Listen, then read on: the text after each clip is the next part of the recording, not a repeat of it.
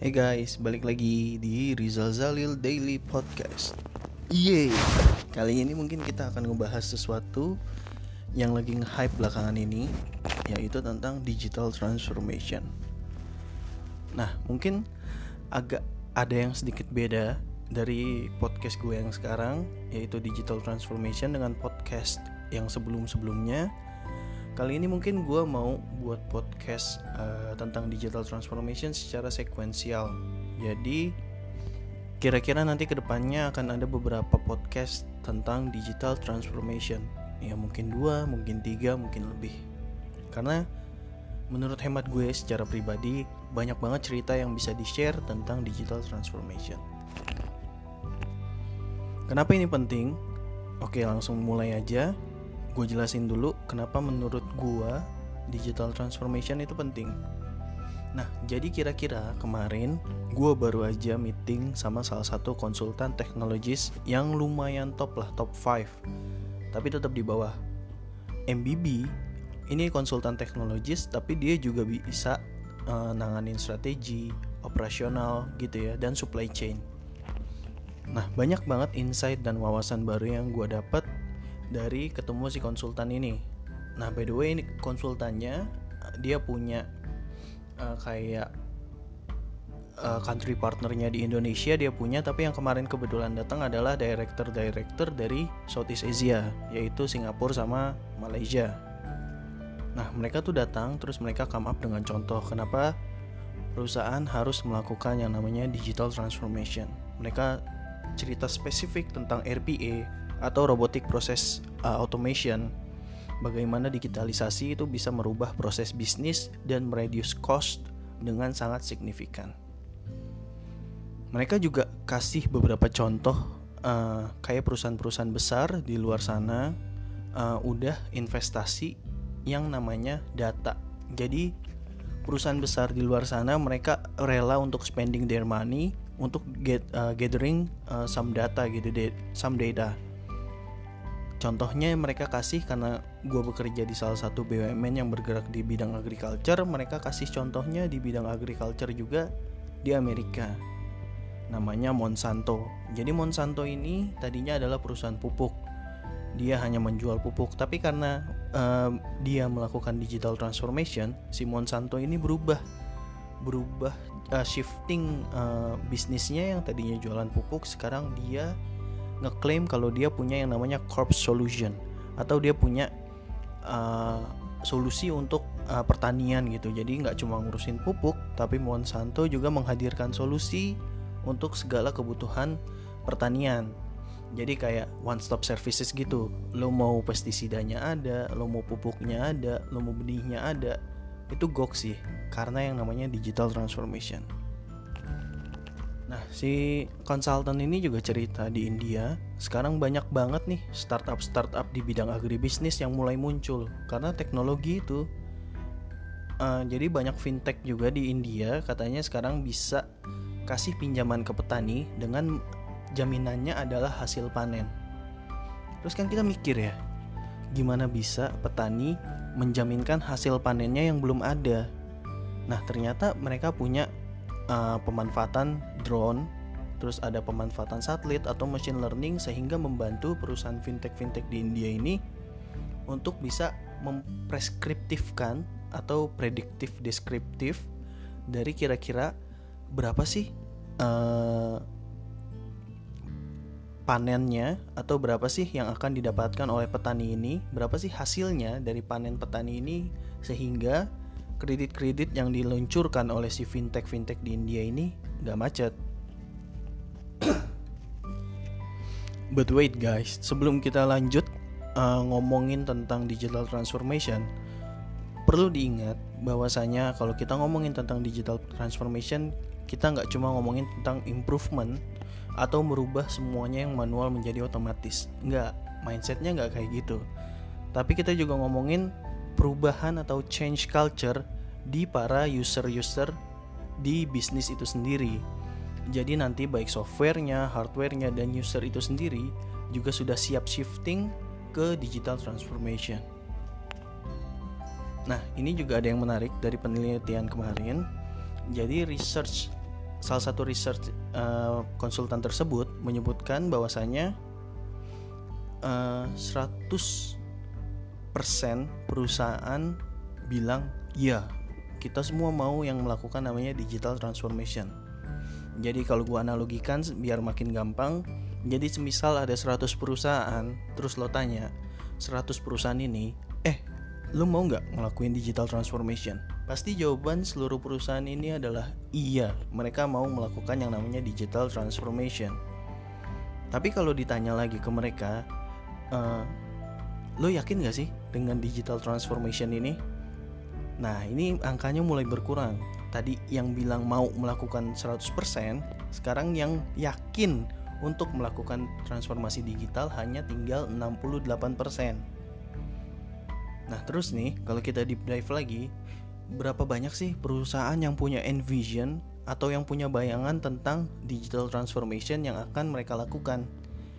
Research menunjukkan bahwasannya yang punya envision atau yang punya bayangan dari digital transformation yang akan dilakukan hanya 16%.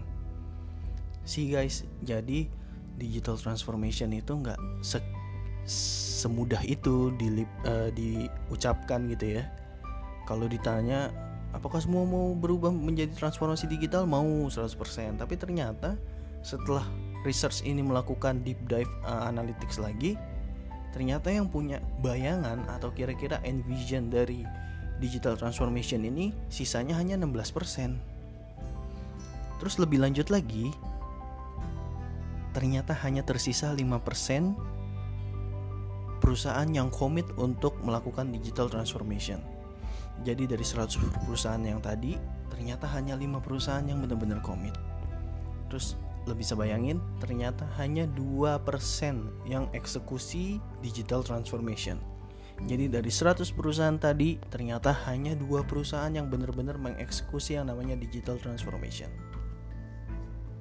Nah, kalau kita ngomongin tentang digital transformation, jangan pernah lo mikir kalau bahwasanya digital transformation adalah merubah semuanya menjadi otomatis. Enggak gitu tapi digital transformation itu mulai dari use case atau bisa dibilang semacam pain point, yaitu sisi mana yang lo mau warnai digital transformation terlebih dahulu.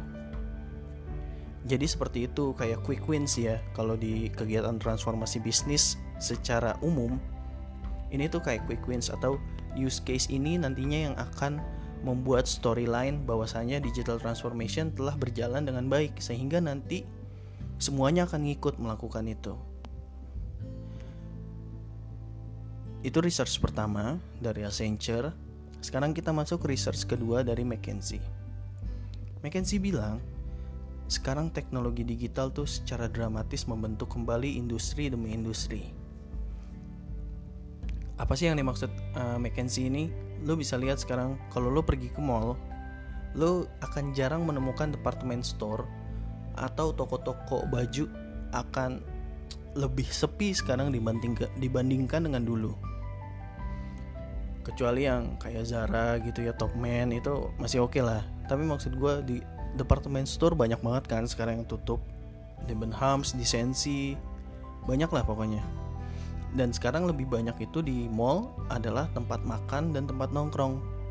Itu kan semua di-trigger oleh salah satunya oleh digital transformation. Bagaimana sekarang uh, kesenangan lo atau kepuasan lo untuk membeli barang secara online uh, either itu di Shopee either itu di Lazada atau di Tokopedia atau Bukalapak ya whatever lah. Nah banyak perusahaan mengejar upaya besar-besaran untuk menangkap manfaat dari tren atau sekedar ikut-ikutan pesaing. Gue ulang Penelitian, penelitian McKinsey, research dari McKinsey menunjukkan banyak perusahaan mengejar upaya digital transformation hanya untuk menangkap tren atau mengikuti pesaingnya. Padahal nggak gitu ceritanya. Dan kalau kita lihat uh, research ini lebih mendalam, dari 8 responden, eh, dari uh, eh, 8 dari 10 responden bilang organisasi mereka telah melakukan berbagai upaya uh, transformasi digital selama lima tahun. Namun keberhasilannya dari delapan itu yang berhasil cuma dua ini kayak semacam relate gitu ya sama yang researchnya Accenture yang pertama kalau dia bilang ada 100% orang yang mau melakukan digital transformation ternyata yang berhasil hanya 2%. Nah, ini sama nih kayak si McKinsey bilang.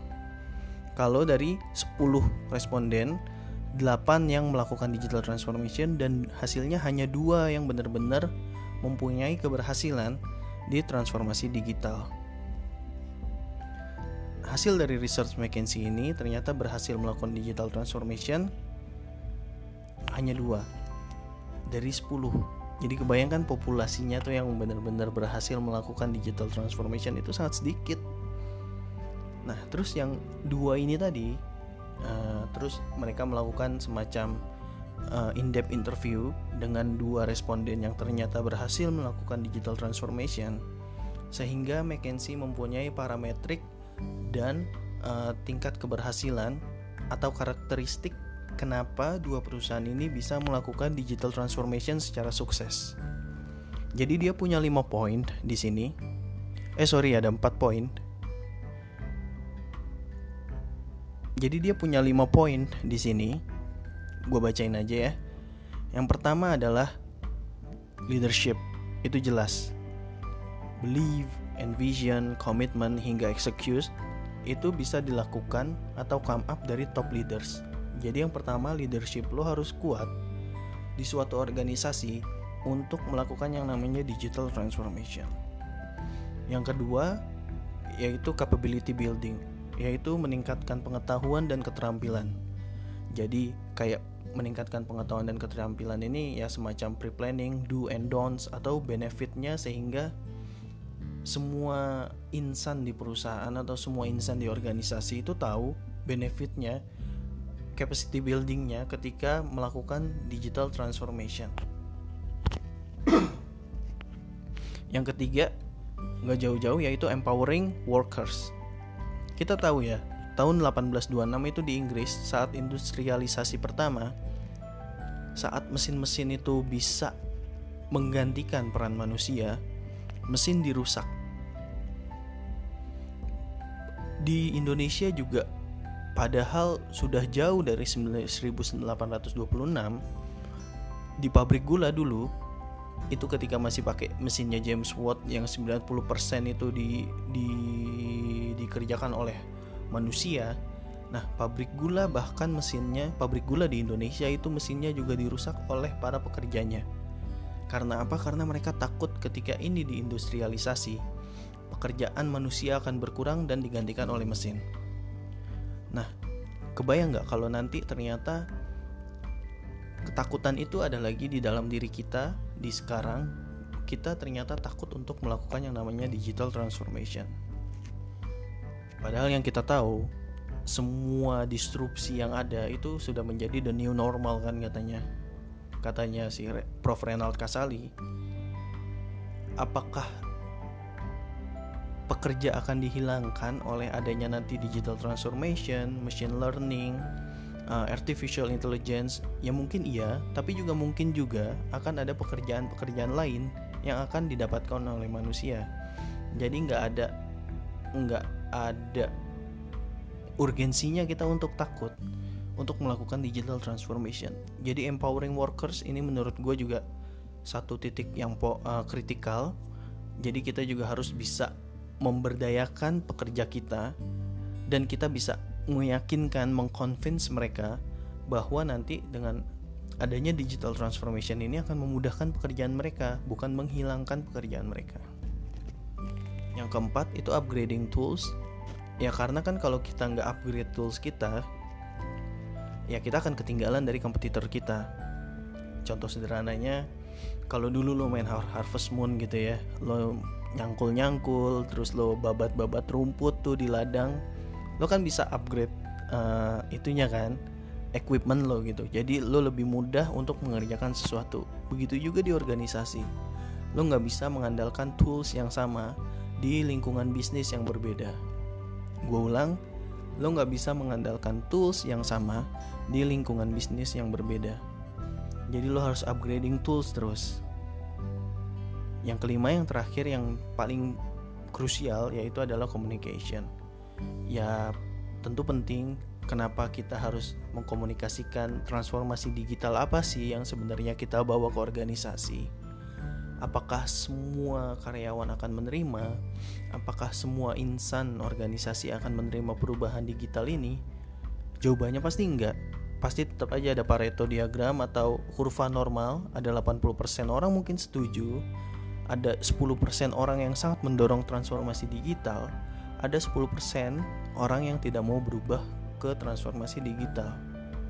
Nah komunikasi ini dibentuk agar yang 10% bisa membawa yang 80% yang 10% gak mau ya tinggalin aja karena lo gak bisa membuat semua orang senang dalam organisasi Kategori-kategori itu menunjukkan di mana dan bagaimana perusahaan dapat mulai meningkatkan peluang mereka dan berhasil di perubahan digital. Jadi itu ya guys ya. Jadi kalau kita bisa wrap up dari uh, research pertama tentang digital transformation, 100% perusahaan mau melakukan digital transformation tapi ternyata hanya 2% yang benar-benar commit dan execute digital transformation. Di penelitian yang kedua juga ternyata ada lima parameter penting atau lima karakteristik penting bagaimana digital transformation ini bisa benar-benar berhasil lo jalanin. Yang tadi pertama adalah leadership, yang kedua capacity building, yang ketiga empowering workers, yang keempat adalah upgrading tools, yang kelima adalah communication. Mungkin sekian dulu guys dari gue. Uh, mungkin nanti kita bahas lagi tentang digital transformation. Kita buat ini yang tadi gue bilang di awal sekuensial kalau mau ada yang ditanya-tanya silahkan tinggalin di komen uh, Instagram atau di jalilepsi at gmail.com oke okay guys terima kasih banyak.